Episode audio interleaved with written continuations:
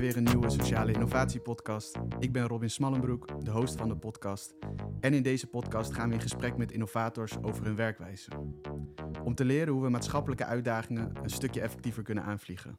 Vandaag spreken we met Pieter Paul van Oerle, founder van het innovatieve Unlimited, waarmee ze organisaties helpen met de grote duurzame transities. Voorheen werkte hij ook als Innovation Lead bij Accenture en was hij de Strategy Director bij The Next Web. We gaan het vandaag hebben over het innovatieve organisatiemodel van Unlimited en hoe ze nu werken aan de grote maatschappelijke vraagstukken. Welkom Pieter Paul. Dankjewel, heel leuk om hier te zijn. Gaaf, ja, het is vooral gaaf dat jij er bent. Uh, hoe, hoe, is je week tot nu toe? Ja, lekker. Het is een lekkere week. Laatste week voor, uh, voor kerst uh, zitten er lekker in. Echt een beetje, je merkt dat je dan alles aan het afronden bent. ook een beetje terugkijkt al op het, op het jaar. En uh, morgenavond kerstdiner met het hele, hele bedrijf. Daar kijken we ook naar, uh, naar uit. Dus het is uh, zo'n zo'n race, zo'n week van ja, een beetje vieren en, en afronden. En dan op naar het volgende. Ja. ja, ik hoorde iemand ook op het werk zeggen gisteren van is bijna alsof iedereen doet alsof januari niet bestaat. Dat soort van december alles afgerond moet worden, toch? Precies. Ja, het is echt heel, heel grappig om te zien. Ook inderdaad bij een aantal klanten dat, uh, dat dingen opeens ontzettend urgent zijn om nog uh, afgerond te krijgen in, uh, in december. Terwijl je inderdaad de, de, klok draait gewoon door in, in januari. Maar het, is ook wel lekker om bepaalde dingen gewoon echt afgerond te hebben. En dan met een, met een redelijk frisse, frisse blik weer te beginnen in, in het nieuwe jaar. Nou, heerlijk aan het afronden dus. Ja. Um, een eerste vraag, we gaan er gelijk induiken. Eigenlijk benieuwd, zou je iets meer kunnen toelichten? Wat doet Unlimited? Ja, Unlimited is een adviesbureau. Uh, wij helpen organisaties om toekomstbestendig te worden. En inderdaad, zoals jij het eigenlijk al heel mooi zei in je introductie, we proberen de, de grote uh, uh, societal problems aan te pakken. Dus, dus de energietransitie te helpen versnellen, de voedseltransitie te versnellen. Organisaties helpen met hun duurzaamheidsuitdagingen. Hè? Want daar is een enorme verandering nodig. We moeten met elkaar uh, door een enorme uh, transitie heen. En, en soms is daar gewoon even een beetje hulp van buitenaf nodig. Hè? Dus ik geloof er heel erg in dat organisaties het in de basis ook zelf moeten doen. Maar soms even die externe inspiratie of die externe extra hulpmotor nodig hebben om uh, wat nieuwe, nieuwe ideeën of nieuwe werkwijzen binnen te brengen. En uh, daar helpen wij organisaties uh, mee. En, en, wat is dan bijvoorbeeld zo'n extra hulpmotor waarvan je denkt, want ja, ik sluit me er helemaal bij aan, ik zie dit ook vanuit meerdere organisaties, dat het fijn is om samen te werken. Ja. Um, maar wat, wat is die extra hulpmotor die een organisatie nodig heeft? Ja, dus ik probeer dat ook zo eigenlijk zo open mogelijk te bekijken. En eigenlijk juist te voorkomen dat, we, dat je heel erg al met een oplossing naar binnen komt. Dus eigenlijk heel goed te kijken van wat is eigenlijk de uitdaging van dit bedrijf? Wat, wat moet nu als eerste gebeuren? En wat hebben ze dan echt nodig om, uh, om te helpen versnellen? En bijna het voordeel van dat wij een vrij uh, kleine organisatie zijn vergeleken met uh, de grote organisatie als Accenture waar ik vandaan kom, is dat ik er eigenlijk al van uitga van ja, wij zijn echt niet de oplossing voor alles, alle problemen van zo'n van zo'n bedrijf. En wij zijn echt ecosysteemdenkers. Dus wij identificeren met een, met een organisatie van hey, waar moet je naartoe? En voor sommige uh, vraagstukken kunnen wij helpen met een stuk programmamanagement of met een stuk uh, experimentontwikkeling, met het valideren van nieuwe, nieuwe ideeën, ontwikkelen en valideren van nieuwe ideeën. Maar soms hebben we daar ook andere partners bij nodig voor robotics of autonoom vervoer of AI of generative AI. en dan weten we die gewoon te vinden samen met de opdrachtgevers. En dan weten we die ook aan elkaar eh, te koppelen en, te, en, en, en samen laten werken. En ik voel dat daar ontzettend veel energie ook ontstaat. Door niet altijd te komen met wij van WC Eend adviseren nog iets meer WC Eend. Maar gewoon dat we echt komen met hey, we denken dat jullie echt specialisten op dit en dit gebied nodig hebben. We kennen er een paar. Laten we eens samen kennis maken. Laten we eens kijken of dat die jullie kunnen helpen. Dus naast dat je een, op een bepaald onderwerp uh, helpt met een oplossing ontwerpen en realiseren, ben je dus ook bezig om hen een soort landschap te geven van partners waarmee ze het ook in het vervolg en nou ja, nu nog beter kunnen uitvoeren. Ja, precies. En uh, dus samen die ontwikkeling doen en samen ook die, uh, die implementatie en het opschalen schalen doen. En dat altijd op een manier dat daarna die staande organisatie er zelf mee door kan. Dus de, wij willen ook, en dat is ook het mooie van ons businessmodel, is dat wij hebben adviseurs die ontzettend gedreven zijn, ontzettend veel impact willen maken, maar ook heel veel eigenaarschap hebben over hun eigen tijd en hun eigen, hun eigen inzet. En uh, dat betekent dat ze heel kritisch kijken van ben ik hier nog de juiste adviseur voor, voor deze fase die we nu ingaan? Breng ik hier nog voldoende waarde? Want anders kan ik beter ergens anders mijn energie uh, gaan, uh, gaan inzetten.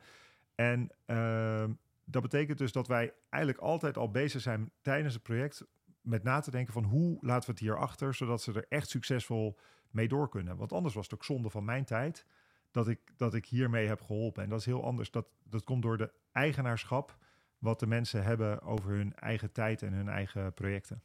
Maar dat vind ik een hele bijzondere insteek. Want zoals ik het ken eigenlijk vanuit adviestakken, is het ook voornamelijk dat je. We hebben toevallig laatst al een beetje een soort van voorgesprekje gehad. Maar ik, wat ik waanzinnig vond om te horen, is dat jullie dus niet per se bezig zijn om alleen maar extra uren, zeg maar, te verkopen. Dus een Nee, en, en nou, ik zal misschien even iets vertellen ook voor, de, voor de, uh, jouw audience over, over hoe we dat businessmodel dus een beetje hebben omgedraaid. Want dat, dat is wel telling inderdaad. Dus wat, wij, wat ik eigenlijk zag bij Accenture en dat ik ook hoorde bij andere vrienden die andere grote adviesbureaus uh, werken, is eigenlijk op het moment dat je de match hebt gemaakt tussen een, een adviseur en een opdrachtgever, die volledig aligned zijn, wat volledig bij de purpose van die adviseur is, dan zie je een energie vrijkomen. Dat is gewoon uniek. En dat geeft ontzettend veel waarde, zowel voor die adviseur, die leeft op, die, uh, die, die bruist van energie en die, uh, en die geeft 200%. En die opdrachtgever die voelt dat ook en die, en die ziet wat er, wat er daar gebeurt. Dat is als je dus de goede match weet te maken. Uh, als jij adviseurs in loondienst hebt, dan wordt, uh, worden ze vaak gewoon ingedeeld in projecten. En dan uh, een deel daarvan, nou, die komt op zo'n zo'n sweet spot project uh, terecht. En een deel daarvan net wat minder. Hè. Dat kan bijna niet anders, mathematisch. En, en dan zie je dus dat die energie heel veel minder is. En dat, dat je dat zowel aan de adviseur terugziet, maar de klant dat ook wel, wel terugvoelt. Dus wat wij hebben gedaan in de oprichting van ons bedrijf, is dat we eigenlijk zeggen: mensen sluiten zich bij ons aan maar blijven volledig eigenaar van hun eigen tijd en uh, verdienen eigenlijk ook hun eigen omzet. Dus we hebben een soort kostenverdeling over uh, de omzet uh, die, we, die we hebben. Maar iedereen verdient eigenlijk ook zijn eigen tarief. En dat houdt hij in de, in de basis zelf. Daarmee kan hij ook dus ja en nee zeggen tegen elk project waar hij wel of geen interesse in heeft. En je ziet dat dat een enorme ja, impact heeft op, op hoe ze hun werk beleven en hoe ze impact kunnen maken bij, bij de klanten. en eerst deden we dat echt vooral voor het team. Want we dachten, nou, zolang ons team heel gelukkig is, dan doen ze goed werk voor klanten. We hebben dus ook gezien dat de klanten daar ongelooflijk blij van worden. We kwamen vorig jaar voor het eerst binnen op, in een ranking van de beste adviesbureaus, de MT1000. Dat is een vrij bekende ranking uh, die uitgevoerd wordt door de Universiteit van Amsterdam.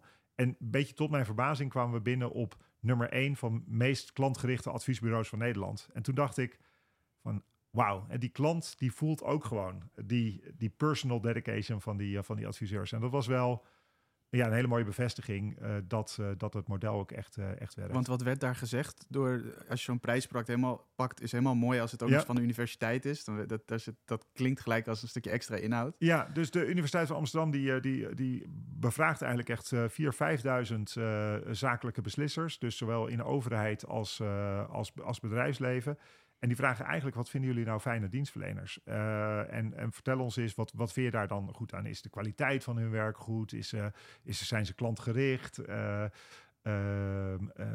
zijn, ze, zijn ze snel? Weet je wel? Er zitten een aantal vragen onder. En zou je ze aanraden aan een ander? En ja, we werden voor het eerst meegenomen vorig jaar. En we kwamen dus in één keer binnen op de nummer één positie van meest klantgerichte adviesbureau ja, zonder dat wij überhaupt wisten dat we meegenomen zouden worden in die, uh, in die ranking. Um, en dat is dus echt ja, die zakelijke beslissers die dat teruggeven, hè, die ons ja. dan telkens gewoon heel hoog ranken. Uh, en blijkbaar uh, andere adviesbureaus dat toch iets minder voelen. Hè, dat, dat die adviseur er die personal commitment heeft naar die, naar die, naar die opdrachtgever.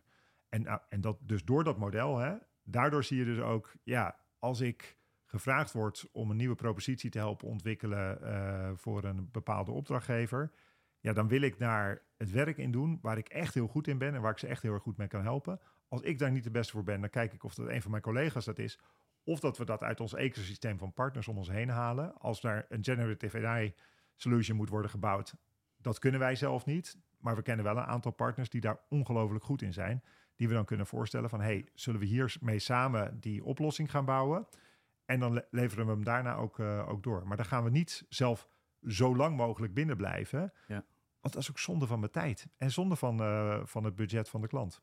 Ja, en ik denk dat heel veel mensen wel die luisteren, dat je dan, dat heb je natuurlijk altijd bij innovatieve dingen. en dit is ook zo'n innovatief businessmodel, dat je dan denkt van, oh, maar krijg ik dan de, weet je wel, op de, de klussen de, de juiste mensen? Want ik geef ze de vrijblijvendheid om te zeggen van, eh, ik, ik ja. chargeer een beetje met vrijblijvendheid. Ja, um, plus op het moment als ik heel eerlijk ga zijn, uh, want dat hoor ik je ook zeggen naar klanten toe, van hey, in dit, in dit, in, in deze klus is het misschien fijn dat we hier er wel op het begin bij zijn, want we kunnen dit goed voor je structureren. Maar we zien ook een partner die kan heel mooi dit deel, en dat is misschien een groot deel hierin, maar die kan dat goed oppakken. Ja. Ik snap dat je dan uiteindelijk in zo'n prijs, dat je dan, ja, je wordt inderdaad als heel betrouwbaar, uh, je gaat, kwaliteit staat voorop, dus dat is heel mooi. Maar ergens lijkt het me ook een moeilijker businessmodel vanuit de klassieke gedachte.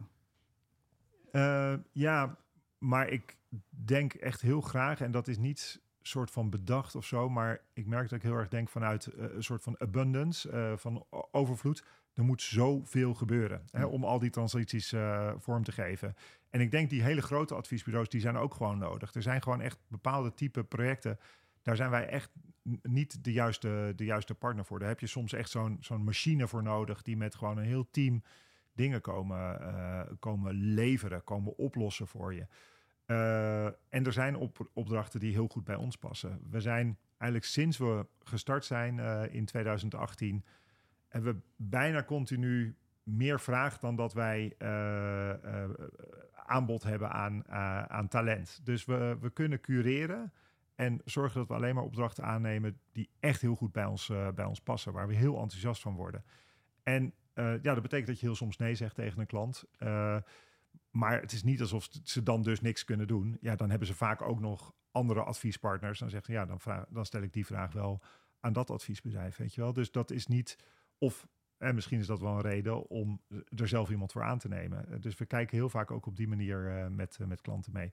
Dus het, het, het schaadt ons niet. Het, gaat, het gaat ons goed. Uh, maar ik denk dat we wel de klanten echt helpen met de, met de projecten die, die er voor hun toe doen.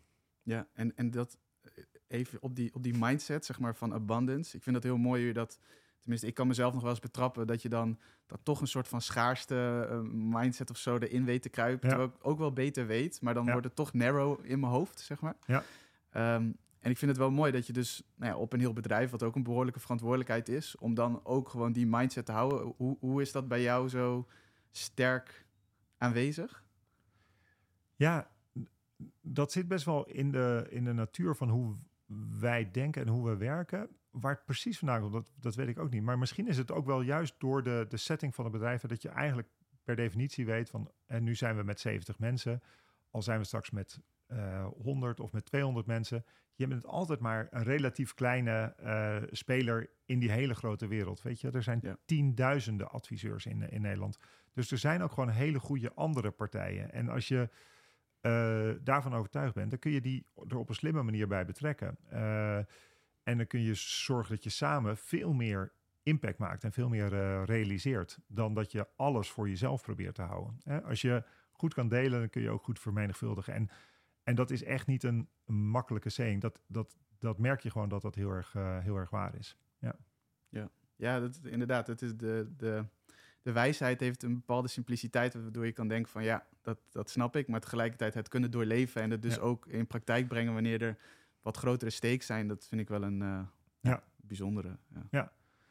Nou, het, het zegt misschien ook wel iets, uh, zeg maar, een van de projecten waar ik op dit moment uh, het meest actief bij betrokken ben, zelf ook, is een project bij de luchthaven Schiphol. Uh, dat is natuurlijk een soort van stad op zichzelf, hè? een mini-stad met uh, kantoren, met heel veel uh, transport van mensen en van, van goederen. Zij, maar zij zijn bijvoorbeeld ook verantwoordelijk voor hun eigen energiesysteem. Het is echt een, een, een, heel, een hele stad op zichzelf. En die hebben gezegd, wij willen de meest duurzame luchtvaarthaven ter wereld zijn binnen nu en vijf jaar. Dus we hebben echt een enorme transformatie waar we doorheen willen.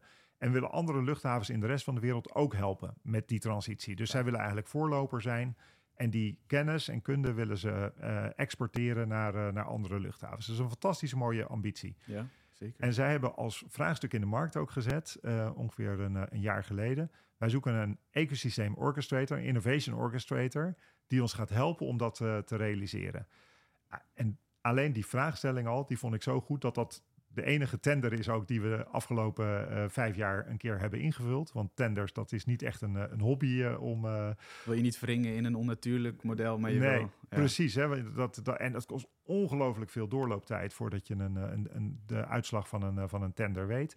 Als je aan de andere kant continu hele leuke vraagstukken op, stuk op je afkrijgt waar je direct mee kan starten, dan is het, is het verleidelijk om door te gaan met, met de pro projecten die op, op je afkomen. Maar door de gave vraagstelling van, uh, van Schiphol, waarin ze echt zeiden van ja, we zoeken ook een lange termijn partner die in de komende acht jaar ons gaat helpen met die hele transformatie door ons ecosystem te gaan orchestraten. Toen dachten we, ja, dat is er echt een uh, waar we wel uh, de partner op zouden willen zijn. En daar zie je het nu ook fantastisch werken. Dus we zijn daar dit jaar pas mee begonnen, in dit jaar 2023. en we hebben nu al echt een stuk of meer dan twintig projecten begeleid waar we ze heel vaak ook heel snel begeleiden naar een veel betere partner dan onszelf. Uh, bijvoorbeeld op autonoom vervoer. Uh, uh, buiten op de, en wat zij dan noemen airside, waar de vliegtuigen rondrijden. Daar willen ze naar autonoom vervoer toe. Ik heb niet de beste autonoom vervoer specialisten van de wereld in, in, in ons team zitten. Maar die hebben we heel snel weten te identificeren, samen met hun. En die, hebben, en die brengen we dan met elkaar in contact. En die zetten we, hè, brengen we aan de gang om samen daar de eerste autonoom vervoer pilots te gaan, uh, gaan runnen. De eerste experimenten. Op robotics, weet je wel, idem dito. Gewoon robotics om, het, uh, om de werkomstandigheden daar te verbeteren. Heel snel een hele goede robotic partner identificeren, in dit geval uit Denemarken. En een hele waardevolle samenwerking tot, tot stand brengen. En daar hebben we dan bijvoorbeeld wel een stukje projectbegeleiding gedaan. Ja. Om die samenwerking tussen een scale-up, een Deense scale-up. en het grote bedrijf Schiphol. om dat goed, uh, goed te begeleiden.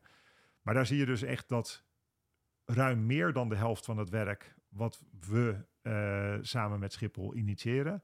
dat wordt door derde partijen gedaan. En, en, en maar de kleine helft, dat doen wij. Maar het is wel echt onwijs gaaf om daarmee die totale impact te kunnen maken. Ja, ja heel gaaf. En heel benieuwd, want ik hoor je dus nu enerzijds uh, zeggen van... Uh, wij helpen dus ook de verbinding een soort van in het ecosysteem te zijn... door partners ook te vinden ja. en ook die, die startfase zeg maar samen... en misschien ook wel later, dus zeg maar steeds wel die verbindende partij daarin uh, te ja. zijn. Um, maar even helemaal terug naar dat begin. Van hoe, kijk, hoe kijken jullie dan aan tegen... Ik ben gewoon even benieuwd van hoe zet je dan een team op...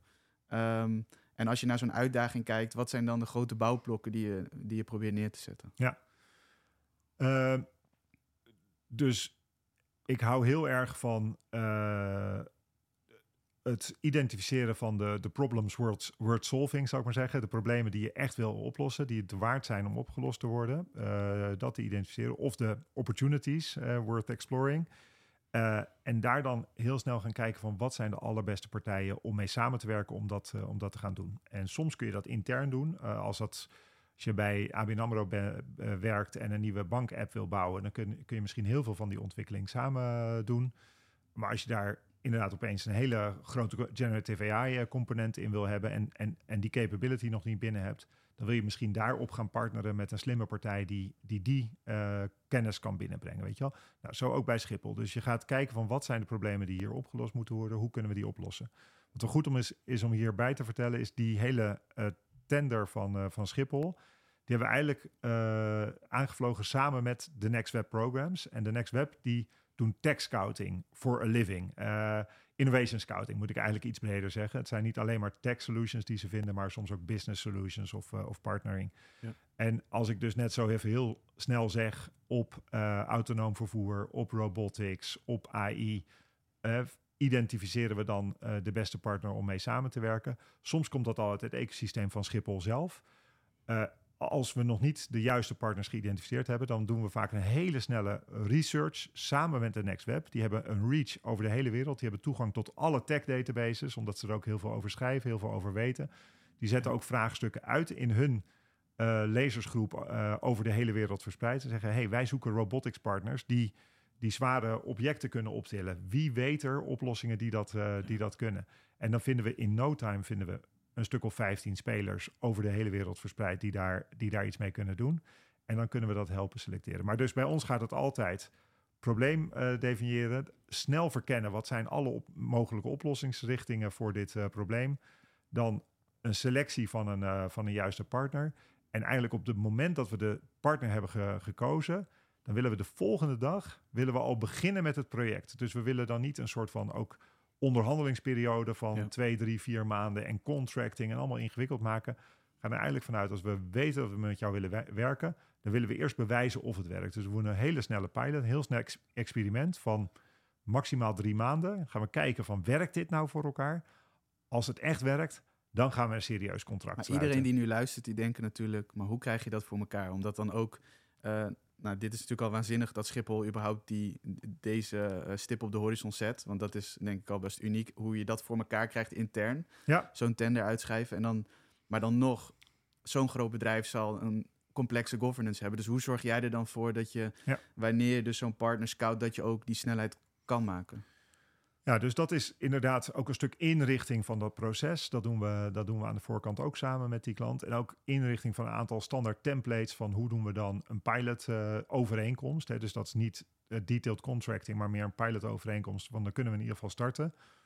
Maar wat zit er ook in een scaling uh, overeenkomst? Hè? Wat, wat gaan we daarna doen? Dus dat, dat richten we allemaal aan de voorkant met elkaar in.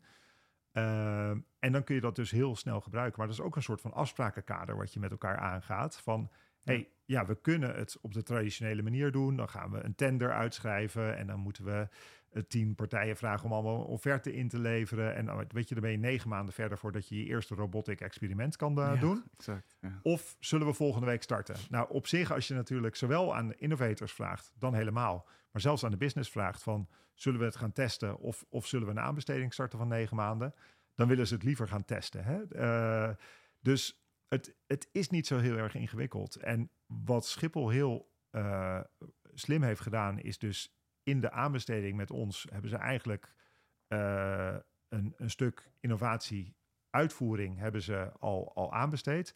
Waardoor er een soort van basisbudget is dat we heel snel die eerste pilots in ieder geval kunnen doen. Als we dan echt willen doorschalen, en dan gaan we dat zorgvuldig uh, contracteren. Zorgen we dat dat, dat, dat netjes volgens alle Europese regels gaat. Ja. Maar die eerste experimenten, dat kan gewoon in, uh, in de context van onze samenwerking. Dus het is ook mooi dat ze niet alleen de tender voor de regie zeg maar, hebben uitgeschreven, maar ook gelijk uitvoeringsbudget en zo hebben geregeld. Precies, dat is echt ja. cruciaal om dat, uh, om dat te hebben. Uh, en ja, ik vind het inderdaad leuk dat jij er ook zo op reageert. Ik vind het een voorbeeld voor heel veel ook semi-publieke en publieke organisaties om zo te denken aan het orchestreren van zorg dat je altijd met de juiste partners kan werken. Heel veel uh, overheidsorganisaties, maar ook semi-overheid, die zetten zich toch vast in langdurige samenwerkingen met, met grotere IT-consultancies uh, bijvoorbeeld of, uh, ja. of consultingpartners.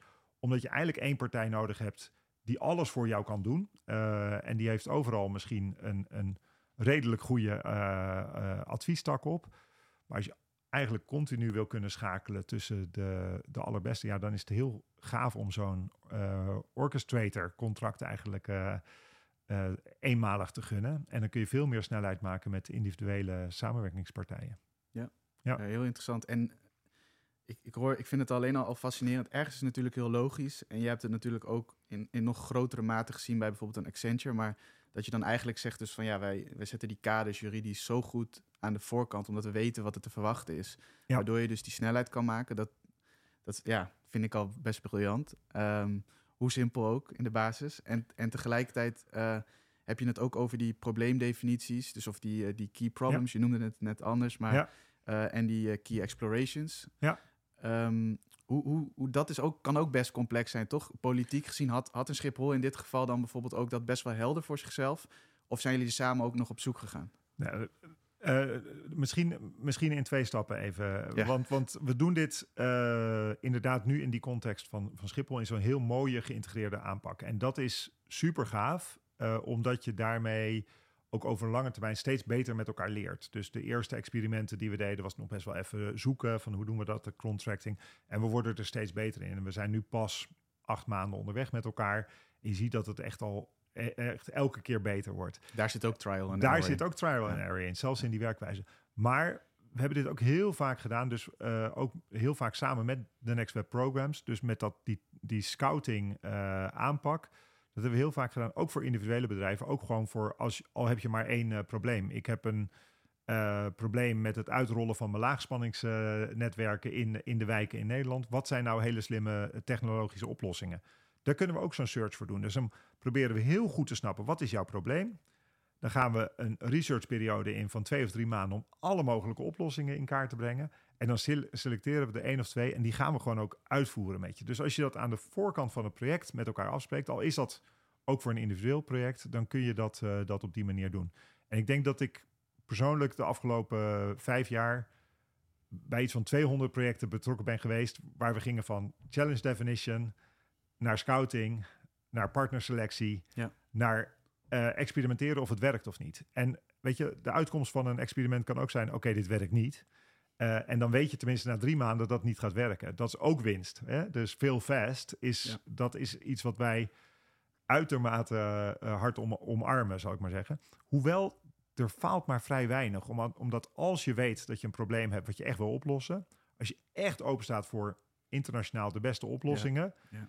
En, en dan eigenlijk samen natuurlijk een periode ingaat om te bewijzen dat het gaat werken, die oplossing voor mijn probleem, dan is de kans natuurlijk heel erg groot dat dat wel gaat lukken. Dus we hebben vaak 80, 90 procent win uh, of uh, succesrate van die, uh, van die innovatiepilots.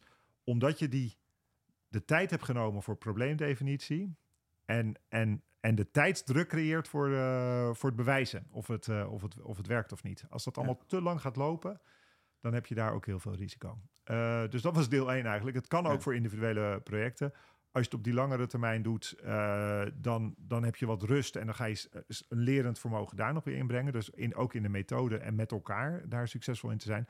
En we weten nog lang niet welke problemen we allemaal op gaan lossen voor Schiphol. Dus dat elk, elke maand komen er één of twee nieuwe op ons pad. Hè, omdat die hele uh, airport, die, die ontzettend complex apparaat, zou ik maar zeggen. Het, is een hele stad met een hele hè, bestuurslaag en, uh, en, en heel veel verschillende gebieden van, van complexiteit over de arbeidsomstandigheden, uh, in bagageafhandeling, uh, over de gezondheid op de platformen buiten, waar heel veel ultrafijnstof nog hangt. Kunnen we dat, weten we waar die ultrafijnstof is? Kunnen we dat uit de lucht halen, die ultrafijnstof?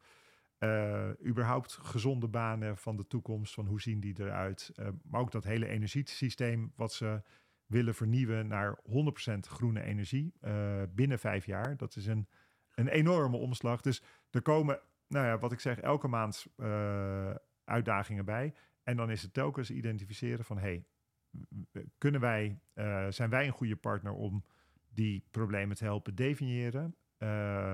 Misschien zijn we wel een partner om de oplossingsrichting met elkaar te bepalen. Maar daarna heb je uitvoeringspartners nodig om die uh, oplossing ook echt voor je te realiseren. En die kunnen we helpen identificeren en, uh, en bouwen. En is het dan, is het dan in zo'n vroege fase, ik ga hier maar op door, maar ik, ik, vind het fascinerend hoe je daar ook die snelheid in weet vast te houden.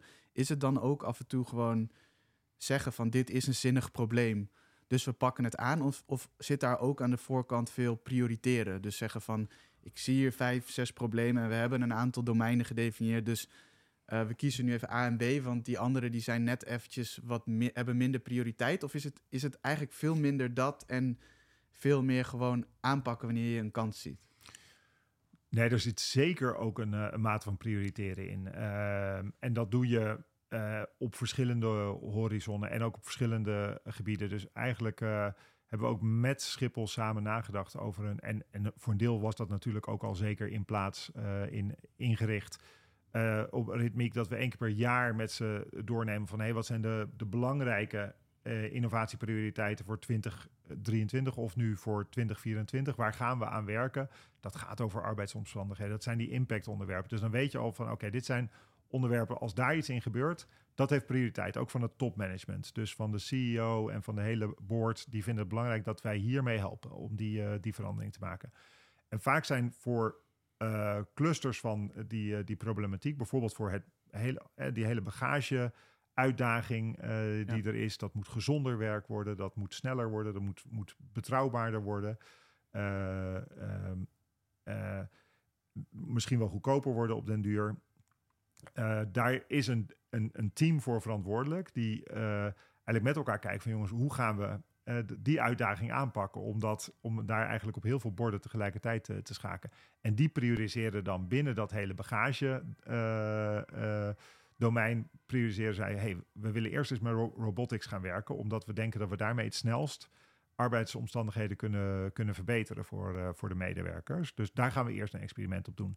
Daarna gaan we een experiment doen op het autonoom vervoer. Dus dan gaan we die, die bagagekarretjes autonoom laten rijden, zodat we minder chauffeurs erop nodig hebben. Omdat dat niet een hele uh, gezonde of, uh, of positief baan is voor de, voor de toekomst. Dus willen we daarmee gaan experimenteren. Ja. Uh, en dus dat zet je een beetje in de tijd achter elkaar neer, dat soort experimenten. En al die deelexperimenten bij elkaar, die tellen op tot een gezondere werkomgeving van de toekomst.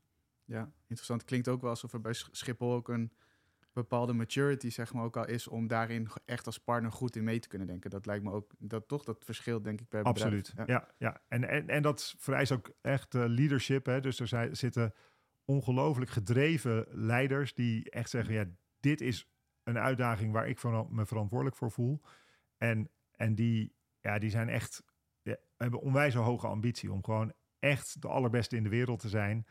Uh, en, en heel versneld die, eh, die verbeteringen door te, door te voeren. En het leuke is dus, dat zijn de mensen in de business, die willen dat veranderen. Er is een innovatiehub, die helpen eigenlijk met de experimenten definiëren. Dus die kunnen dan heel snel schakelen om daar, uh, daar kracht tegen aan te zetten, experiment, experimentkracht. Daar kunnen wij goed mee sparren.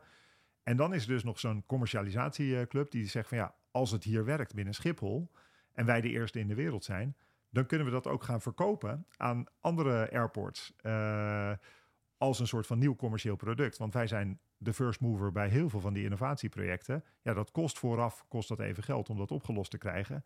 Maar misschien kunnen we dat wel commercialiseren. Zo hebben zij al een aantal producten die gewoon op Schiphol zijn ontwikkeld. Die verkopen zij nu aan andere airports. Zijn, zijn er toevallig een soort van... Uh, ik kan me voorstellen dat je deels een beetje abstract moet blijven, maar iets wat je een beetje kan toelichten. Nee, eentje ook, dat, is al, eh, dat product was al ontwikkeld voordat wij uh, uh, erbij kwamen. Bijvoorbeeld Schiphol is een van de voorlopers wereldwijd op het gebied van die self-service portals. Dus eigenlijk van die uh, zuilen waarop je steeds meer zelf kan doen. Dus ook je kan zien waar je gate is, maar ook nog even kan kijken waar je uh, kunt ontspannen. Onder, dus, dus er heel veel self-service informatie wordt daar ontsloten.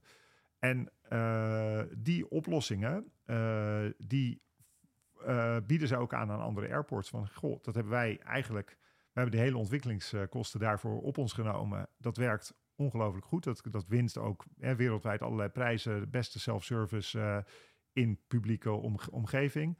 En nu zijn er verschillende andere airports in de, in de wereld die daar interesse in hebben en die dat ook al aan het kopen zijn. Dus er zijn al deals dat die dat kopen. En eerst ging dat nog meer op een uh, fysieke uh, self-service unit. Dus toen heette dan ook het, het self-service unit die verkocht werd. En daar hebben ze zich alweer in ontwikkeld. Nu noemen ze het het self-service platform. Want eigenlijk ja. is natuurlijk de technologie belangrijker dan, het fysieke, uh, dan de fysieke zeil. Als in, hij kan ook op je telefoon. Hij kan ook op je telefoon en het is een heel concept wat, er, wat erbij zit. En het is eigenlijk meer die dienstverlening die belangrijk is dan, dan, dan de unit. Dus wij denken ook af en toe mee met die, die afdeling, die heet Aviation Solutions. Die dan als een oplossing het gewoon ontzettend goed doet binnen, binnen Schiphol. Van hoe vermarkt je dat dan ook? naar andere, naar andere luchthavens. En dat is eigenlijk gewoon weer een stukje commercialiseren van, uh, van digitale of, uh, of fysieke diensten. Waar bij mij ook weer klinkt alsof je daar heel veel partners bij nodig hebt om dat goed te doen. Zeker, ja, ja, ja. Interessant. Een vraagje. Jij ziet, jij ziet heel veel. Oh, een vraagje, alsof ik er bijna geen vraag stel. Maar je, jij ziet dus heel veel verschillende organisaties die aan het innoveren zijn, of daarmee starten, of daar al verder in zijn. In ieder geval ondersteuning bij vragen. Um, wat, wat zie jij eigenlijk bij uh, organisaties? Uh, wat, wat moet er in orde zijn voordat een, bijvoorbeeld een Schiphol, dat je ziet dat daar zo'n drive is? Bijvoorbeeld bij Schiphol, uh, even wat aannames doen, dan kan ik me ook voorstellen, heeft ook onder druk gestaan, de luchtvaart staat onder druk. Dus ik snap ook dat er enorme prikkels zijn om te innoveren. Maar dat tegelijkertijd, volgens mij op die transities waar we mee bezig zijn, is dat niet per definitie dan altijd wat er gebeurt. Dat er die stap naar voren wordt gemaakt. Nee. Wat denk jij dat er in zo'n ecosysteem eigenlijk aanwezig moet zijn om uh, te innoveren? Ja. Uh, ja, dus ik denk ik denk er moet wel een soort van sense of urgency zijn over een transitie die moet, uh, moet uh, gebeuren. En die moet oprecht zijn. Die moet vanuit het leadership en vanuit de organisatie breed gedeeld worden. Wij willen die beweging gaan maken naar groene energie. Of wij willen die beweging gaan maken naar een sustainable voedingssysteem. Uh, dan, dan kun je daar ook echt mee gaan, gaan helpen. Als dat niet echt gevoeld wordt, als dat niet echt geleefd wordt, dan, dan is het heel erg moeilijk om dat te faciliteren. Dan is leadership is heel belangrijk. Dus, dus dat echt het top leadership aangeeft dat er een urgente verandering nodig is en dat het ook oké is om daarin te innoveren. Hè? Dus, want soms zijn we heel behoudend en willen we dingen blijven doen zoals we deden, maar moet het wel heel, heel snel anders. Weet je, dat is heel, krijg je een hele dubbele boodschap van, uh, van topmanagement. Als het oké is om te innoveren, als het oké is om te experimenteren en dus ook om te falen, uh, dat dat echt gevierd wordt en, uh, en omarmd wordt, dat, dat is wel, wel heel belangrijk. En dat zie je bijvoorbeeld in die energietransitie. dus dat wordt natuurlijk gefaciliteerd voor ons door grote voormalige staatsbedrijven, zoals hè, een Alliander, die netwerkbedrijven, Enexis, GasUnie, Tenet, die moeten een enorme verandering voor ons uh, uh, realiseren. En die weten hoe groot de, de, de opgave is. Uh, en, een, en, en, een deel van het topmanagement die schreeuwt ook die urgentie uit. Hè, en die, die geven aan dat er, dat er beweging moet komen.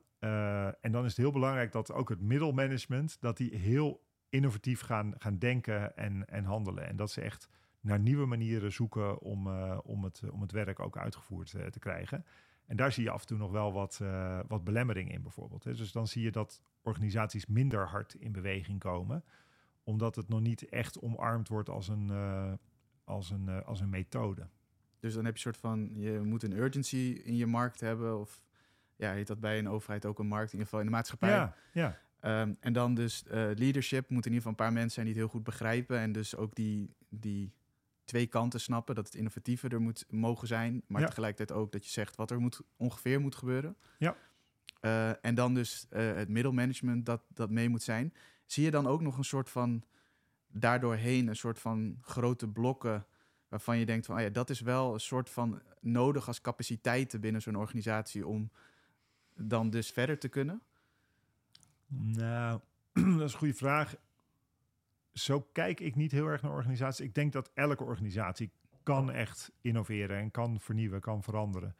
Uh, en soms is dat dus even ook een klein beetje externe hulp uh, uh, in, inroepen daarbij. maar dan heb je echt maar kleine externe inspiratie nodig om heel veel zelf ook wel te gaan, uh, gaan omarmen. Dus ik denk dat het vooral die, die bewustwording is van ja, we moeten door een, door een verandering heen. En, en soms is die externe druk ontzettend groot. die, die bedrijven die ik net ook noem, die weten dat er een enorme verandering op ze afkomt. Dus die zijn ook ja. op heel veel vlakken aan het veranderen. Denk dat er misschien, en bijna een beetje tot mijn teleurstellingen. Een aantal grote Nederlandse organisaties zijn gewoon meer de, de, de zakelijke uh, dienstverleners, gewoon bedrijven, die nog niet zo'n hele erge urgentie voelen om nou naar 100% duurzaam of naar een 100% uh, eh, sustainable nieuwe circulaire businessmodellen te gaan. Dus dat die eigenlijk heel veel in stand houden van wat ze al hebben en ja, af en toe een klein experiment ernaast zetten. Van nou, misschien is een klein nieuw product uh, over sustainable finance of over iets anders, maar dat de basis dienstverlening wel heel erg uh, hetzelfde blijft. Ik zou hopen dat we in de komende nou ja, vijf jaar een enorme omslag gaan zien bij die grotere uh, bedrijven juist. Dat die ook die urgentie gaan voelen van wij moeten mee om. Niet alleen voor onze eigen bedrijfsvoering en voor onze eigen winst en verlies. Maar ook echt om die impact te maken voor, voor, voor de planeet. want als we, als we de businessmodellen van nu blijven laten doorgroeien, hè, dan, uh, dan zijn we natuurlijk ja. op een hele verkeerde pad. Ja. En, en he hebben bijvoorbeeld dan. ik vind het gewoon heel interessant, ja. want jij hebt best wel een mooi overkoepelend plaatje. Dus dat, dat, dat, dat boeit me dan enorm. Zo van. Tegelijkertijd horen we dan uit Brussel dat er dan al regelgeving komt waarbij al die CO2, wat je nu nog een soort van kan verhandelen, toch? En kopen, dat ze ja. op een gegeven moment gewoon gaan zeggen van nee, maar gewoon zero. Dus ja. uh, ik weet niet wat dat jaartal is, volgens mij 30 of zo, toch? Of zo, dat is ja, een soort van vergezicht. Ja, dus jammer genoeg gaat die regelgeving heel belangrijk zijn. En waarom zeg ik jammer genoeg? Het, het is natuurlijk eigenlijk treurig hè, dat we dat met wetgeving uh, moeten afdwingen bij organisaties. Dat ze uh, het juiste gaan doen. Want eigenlijk weten ze verdomde goed uh, wat de negatieve impact is van hun bedrijfsvoering op de planeet. En weten ze ook dat er methoden zijn om dat op een veel positievere manier te, te doen. Alleen op de korte termijn uh, is dat minder winstgevend. Dat, is, dat is heel vaak zo. Dus je moet even investeren en je moet uh, omdenken, ombouwen. Uh, en Zoals dat, Schiphol, dat je het zelfs gaat vercommercialiseren wat je bedenkt. Nou, je kunt er nieuwe ja. verdienmodellen mee ontwikkelen. Je kunt ja. er ook een wereldwijde voorloper in worden. Maar heel vaak is het op de korte termijn gaat de, de winstgevendheid achteruit. En heel veel zittende leiders, CEO's, CFO's van grote beursgenoteerde organisaties, die vinden dat ongelooflijk spannend om, om dat te doen. Uh, omdat dat ook gewoon het risico is dat ze ontslagen worden of dat ze overgenomen worden door een branchegenoot die veel agressiever is en, uh, ja. en, en, uh, en, en scherper aan de wind vaart. Maar toch, weet je, eigenlijk weten we dat het, dat het keihard nodig is. En ik vind dat daar wel te weinig beweging is. Nou, en, en regelgeving, wetgeving vanuit uh, de EU kan een, kan een hele harde... Hè, dat kan de, de stok zijn waardoor mensen wel in de, in de juiste beweging komen. Uh, en, en dan, maar, dan maar zo. Hè? Dus ik ben, ik ben voor die regelgeving. Ik zou alleen hopen dat de organisaties wat meer vanuit intrinsieke motivatie uh, zelf al in beweging komen. En ook de kansen zien eruit. Want in die end, de klant gaat het belonen. Hè? Uh, de klant vraagt er zelf ook al om. Dus is, er is echt een businessmodel voor meer duurzame productie van, uh, van middelen. En, en wat ik heel mooi zou vinden in regelgeving, is ik net nog aan te denken, het uh, uh, hier in Nederland is nu steeds meer de, de discussie ook over true price. Hè? Als we nou mhm. maar eens gewoon doorrekenen wat de echte totale kosten zijn van een product. Hè? Dus ook de negatieve impact die het heeft op de, op de planeet. Ja. Uh, dan gaan we veel betere afwegingen maken als, uh, als consumenten ook. Als we dat echt krijgen doorgerekend in onze, in onze producten. Dus dat lijkt me misschien een van de snelste stappen naar een, uh, naar een positievere economie. Als we, als we steeds meer op true pricing zouden kunnen gaan, gaan afrekenen. Maar dat zal ook door regelgeving moeten worden afgedwongen. Ja, ja, ik vind het nu al soms wel mooi als je dan in een webshop iets koopt of zo, dat ze dan bijvoorbeeld niet per se de true price, maar dat ze bijvoorbeeld de CO2-impact erbij zetten. En dan zie ik dat ze helemaal zitten te nutje al van zo vriendelijk mogelijk eruit laten zien dat je, dat je een soort van met enorme guilt die aankoop doet. Ja. Maar ik vind het in ieder geval mooi dat je dan bijvoorbeeld zo'n Organic Basics, zo'n kledingmerk, dan echt zo'n poging ziet doen. Ook al weten ze van commercieel, weet niet ja. handig dat is, maar wel een beetje die true pricing movement proberen te pushen. Ja, ja. ik denk dat dat een hele, hele waardevolle uh, zal zijn voor, uh, voor het gedrag van de, van de consument. Um, eigenlijk voordat we naar een soort uh, afsluitende vraag gaan, ben ik eigenlijk heel benieuwd van wat, wat zie je voor je met een limited als, als uitdaging? Zijn er nog, uh, is het stapsgewijs meer doen van wat er nu is? Of heb je nog bepaalde dromen daarbij, ambities? Ja, leuke vraag. Uh, het, leuke is, ik, ik, krijg die vraag wel vaker, hè, van waar sta je over een jaar of wat is je doelstelling voor 2024? eigenlijk ook heel cheesy uh, vraag, hè? Nou, ja. nou, nou ben, ik, ben ik me een keer bewust maar het, het, is ook een hele terechte, die, die, die, die, wordt natuurlijk vaker gesteld, helemaal bij, bij jonge bedrijven. We hebben niet zozeer een groeistrategie. We hoeven niet veel groter te worden dan dat we nu zijn, uh, maar het mag wel. Uh, en dat is dus eigenlijk zolang het een positieve impact impact blijft maken, willen we wel doorgroeien en meer impact maken in die energietransitie, in die voedseltransitie en nu dus ook in die mobiliteitstransitie en die smart city movement, zoals we, dat bij Schiphol eigenlijk, uh, eigenlijk laten, laten zien. En de duurzaamheid van het bedrijfsleven en, en overheden, dat we daar echt uh, impact op kunnen maken. En wat we dus, uh, als je dan vraagt ook wat is de uitdaging daarbij? Kijk, als je groter wordt, dan blijft het moeilijker om elkaar heel goed te blijven kennen en, en heel erg social connected uh, te zijn. En wat je daar nu een beetje ziet, uh, ziet ontstaan uh, binnen ons bureau, dat, en dat faciliteren we ook een beetje, maar we weten nog niet precies hoe dat gaat uitwerken, is dat er een beetje cirkels gaan ontstaan van meer gelijkgestemden. Dus je krijgt mensen die altijd willen werken in de energietransitie, die gaan elkaar steeds meer opzoeken. Die doen continu dat, dat mooie werk voor bedrijven zoals een Alliander, voor een Enexis, voor een GasUnie. En die hebben daar heel veel gezamenlijkheid in. Die, die kennisontwikkeling, die passie voor die energietransitie, echt ook die kennis. Dus die worden actief door, door die opdrachtgevers uh, gevonden.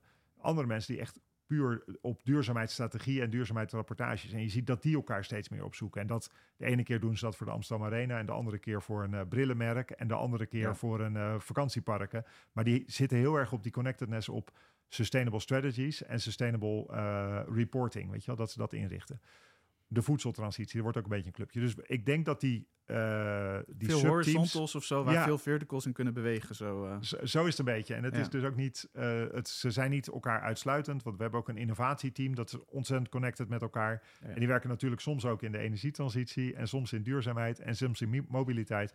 Maar die hebben weer meer dat innoveren als, als primaire drijfveer.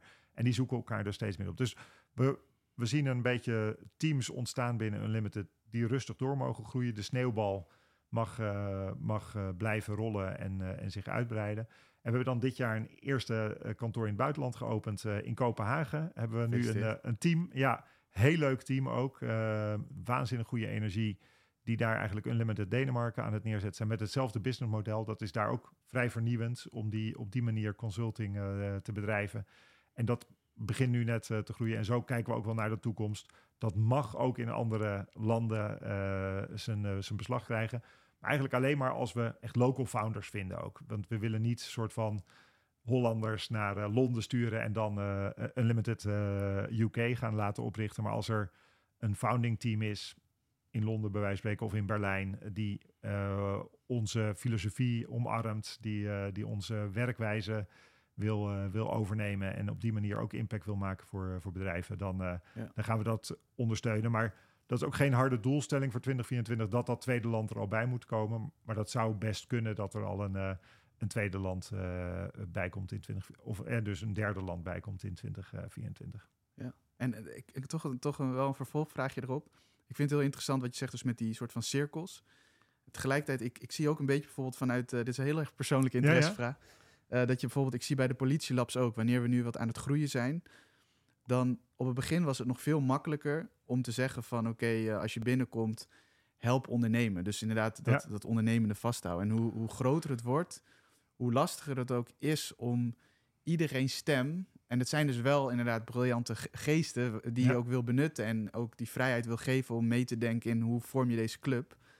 Um, dat wordt lastiger, omdat gewoon meer stemmen worden. Um, ja. hoe, hoe, hoe, hoe, kan je dat een beetje... Dus je zegt, je hebt het over die cirkels... maar jij hebt ook heel veel ondernemende mensen in huis. Ja. Hoe, hoe, hoe kan je dat een beetje een plek geven? maar dat is dus eigenlijk... Dat was eigenlijk... Je, je, je stilt mijn, uh, mijn antwoord. Oh. Uh, wij hebben hele ondernemende mensen in huis. en, uh, en eigenlijk ons, ons, bijna ons credo, zal maar zeggen, nummer één is samen ondernemen om impact te maken. Dat is bijna ons verbindende zinnetje. Dus we willen samenwerken. We willen ondernemend in de, in de wereld staan. En we willen impact maken. Ja. En daar wordt dus eigenlijk iedereen bij betrokken. En iedereen is ook echt heel erg betrokken bij Unlimited. Dus iedereen heeft ook een rol binnen Unlimited. Het is niet de vraag van ja, wil je ook iets doen voor Unlimited? Nee, iedereen heeft een rol binnen Unlimited. En een groepje is bijvoorbeeld heel erg bezig om dat innovatieteam om de proposities beter uit te werken, beter uit te werken. Hoe doen wij nou eigenlijk ja. dat open innovatieproces? Dat we dat beter kunnen uh, uitleggen ook aan de, aan de buitenwereld. Uh, er is een groepje bezig die is veel meer uh, bezig met, uh, met onze social, uh, social media. Die vinden het leuk om, om daaraan te werken. Dus iedereen heeft wel een, een rol. Sommige mensen zijn verantwoordelijk voor ons hele tra trainingscurriculum voor alle 70 collega's. En dat wordt natuurlijk een heel divers curriculum. Dat gaat ja. soms over ethical AI en soms gaat het over open innovatie en soms gaat het over de energietransitie. Dus er zijn mensen die daarmee bezig zijn. Dus iedereen heeft wel een rol en iedereen wil ook die rol. Ja. en, en dus dat die kracht van die mensen, ja, dat is super belangrijk. Dat moeten we dus ook heel erg vasthouden als we doorgroeien. Uh, dat iedereen die, uh, die impact kan blijven maken. Want dat is ook de secret sauce uh, voor, voor ja, onze gemeenschappelijke succes. Ja, je flipt de vraag een beetje. Je zegt eigenlijk van het, de uitdaging is eigenlijk ook de oplossing, want het zijn ondernemende mensen. Ja, ja. ja. Ja. Gewoon vertrouwen hebben daarin. Ja, ja en, en vanuit hun persoonlijke drijfveren ook, dat dat er eigenlijk vanzelf uitkomt en dat dat gewoon zijn weg moet vinden. Dus, en dat ze het ook weer bij ons daar kunnen doen waar zij ook de meeste passie voor hebben. Dus we gaan niet iemand eh, die onwijs creatief is, helpen om de financiële administratie eh, ook in orde te houden. Maar er zijn ook collega's die zelf die meedenken van ja, hoe gaan wij die finance eh, kant super gestructureerd houden, ook als we groeien. En, en er zijn ook mensen die, die daar een enorme bijdrage in kunnen leveren en daar energie eh, in, in willen stoppen. Dus ieder inzetten in zijn kracht. eh, maar dat komt ook een beetje ja, vanuit het model. Gaaf, dankjewel. Ehm ja, een afsluitende vraag. eh, die stellen we aan iedereen, of stel ik aan iedereen. Ja. Ehm, ehm, heb je misschien een must-read, een must-watch? Mag kan YouTube, Netflix, ja, iets weet ik veel meer sophisticated, een documentaire zijn, whatever. Eh, en een eh, Favo Jam, dus eh, muziek. Ja, lekker. Ehm, even denken. Een must-read. Nou, een must-read ga ik, ga ik even voor makkelijk, relatief makkelijk. Ik kom met een boek van, van een van mijn beste vrienden en medeoprichters van Unlimited. Die heeft een boek geschreven dat heet Future Proof. Past ook wel bij deze podcast, denk ik. Ja. En dat gaat heel erg over hoe je als, als leider en als organisatie toekomstbestendig kan worden. Eh, en eh, hij is gepromoveerd ook op eh, veranderkunde, zeg maar op het agile management. En, en heeft eigenlijk heel veel wetenschappelijke kennis heeft hij gebundeld in een heel leesbaar boekje. Zo mag ik het wel noemen. Met heel praktische tips. Onder andere ook zit daarin van hoe vind je je eigen purpose. En zorg je dat je daar eh, eh, goed naar luistert. En, en zorg dat je daarop eh, op ge- gericht bent. Ik weet niet of je de Ikigai ook kent. Ja, zeker. Nou, de- dat staat er gewoon rustig uitgeschreven. Het zijn, het zijn, dat is geen rocket science natuurlijk, Ja. maar het is gewoon een, een, een handige gids om toekomstbestendig te worden. Dus nou, qua must-read zou ik zeggen, onder de kerstboom, eh, lees, lees even Future Proof. Het, het helpt je om het eh, nieuwe jaar goed in te gaan. Eh, must watch. Eh, daar moet ik even over nadenken. Ik kijk heel weinig, mo- moet ik zeggen, omdat ik meer sociaal in, in beweging ben, veelal. Ik kijk heel weinig tv, heel weinig Netflix ook. Wat zal ik eens zeggen? Ik vind het nog wel mooi, gewoon in real life. Dus laatst was ik nog weer op een eh, conferentie over eh, equity, diversity en inclusion. En alleen al de, de talks van de specialisten, maar ook van de minder specialisten op dat gebied. eh, en de gesprekken die je daar hebt over dat soort belangrijke onderwerpen waar je je niet altijd comfortabel mee voelt. Helemaal als witte man in, met een absoluut bewustzijn dat, dat diversiteit heel erg belangrijk is. Dan vind ik het heel fijn om onder te dompelen een dag in allemaal talks over dat onderwerp. Over hoe je het kan omarmen, hoe je het kan supporten, hoe je daar ook een goede ally voor kan zijn.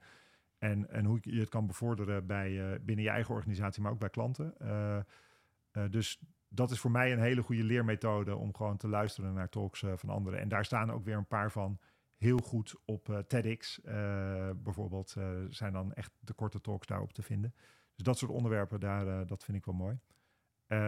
Eh, en als laatste zei je... eh, Muziek. Muziek, ja. Nou, misschien in de, in de, in de, de tijd van het jaar. eh, de laatste weken staat bij ons thuis... en vooral met mijn zoon van 15, eh, bijna continu de playlist eh, met de top 100 beste kerstsongs eh, staat aan. Heerlijk. Dat vindt hij heerlijk en dat zingen we samen uit volle borst mee. Ik zal het jullie besparen, maar het is heerlijk hoor. in deze festive season om gewoon lekker samen te genieten van die, van die hele oudbollige kerstliedjes van Mariah Carey tot Frank Sinatra en, en alles wat ertussen zit. Dus lekker de kerst in. Ja, we gaan lekker de kerst in. Hartstikke bedankt voor, deze, voor dit gesprek. Alle mooie antwoorden. En eh, ja, tot de volgende keer. En ook voor het luisteren. Eh, iedereen die luistert, dankjewel. En tot de volgende. Ciao. Dankjewel, superleuk Robin. Onwijs leuk. Dankjewel.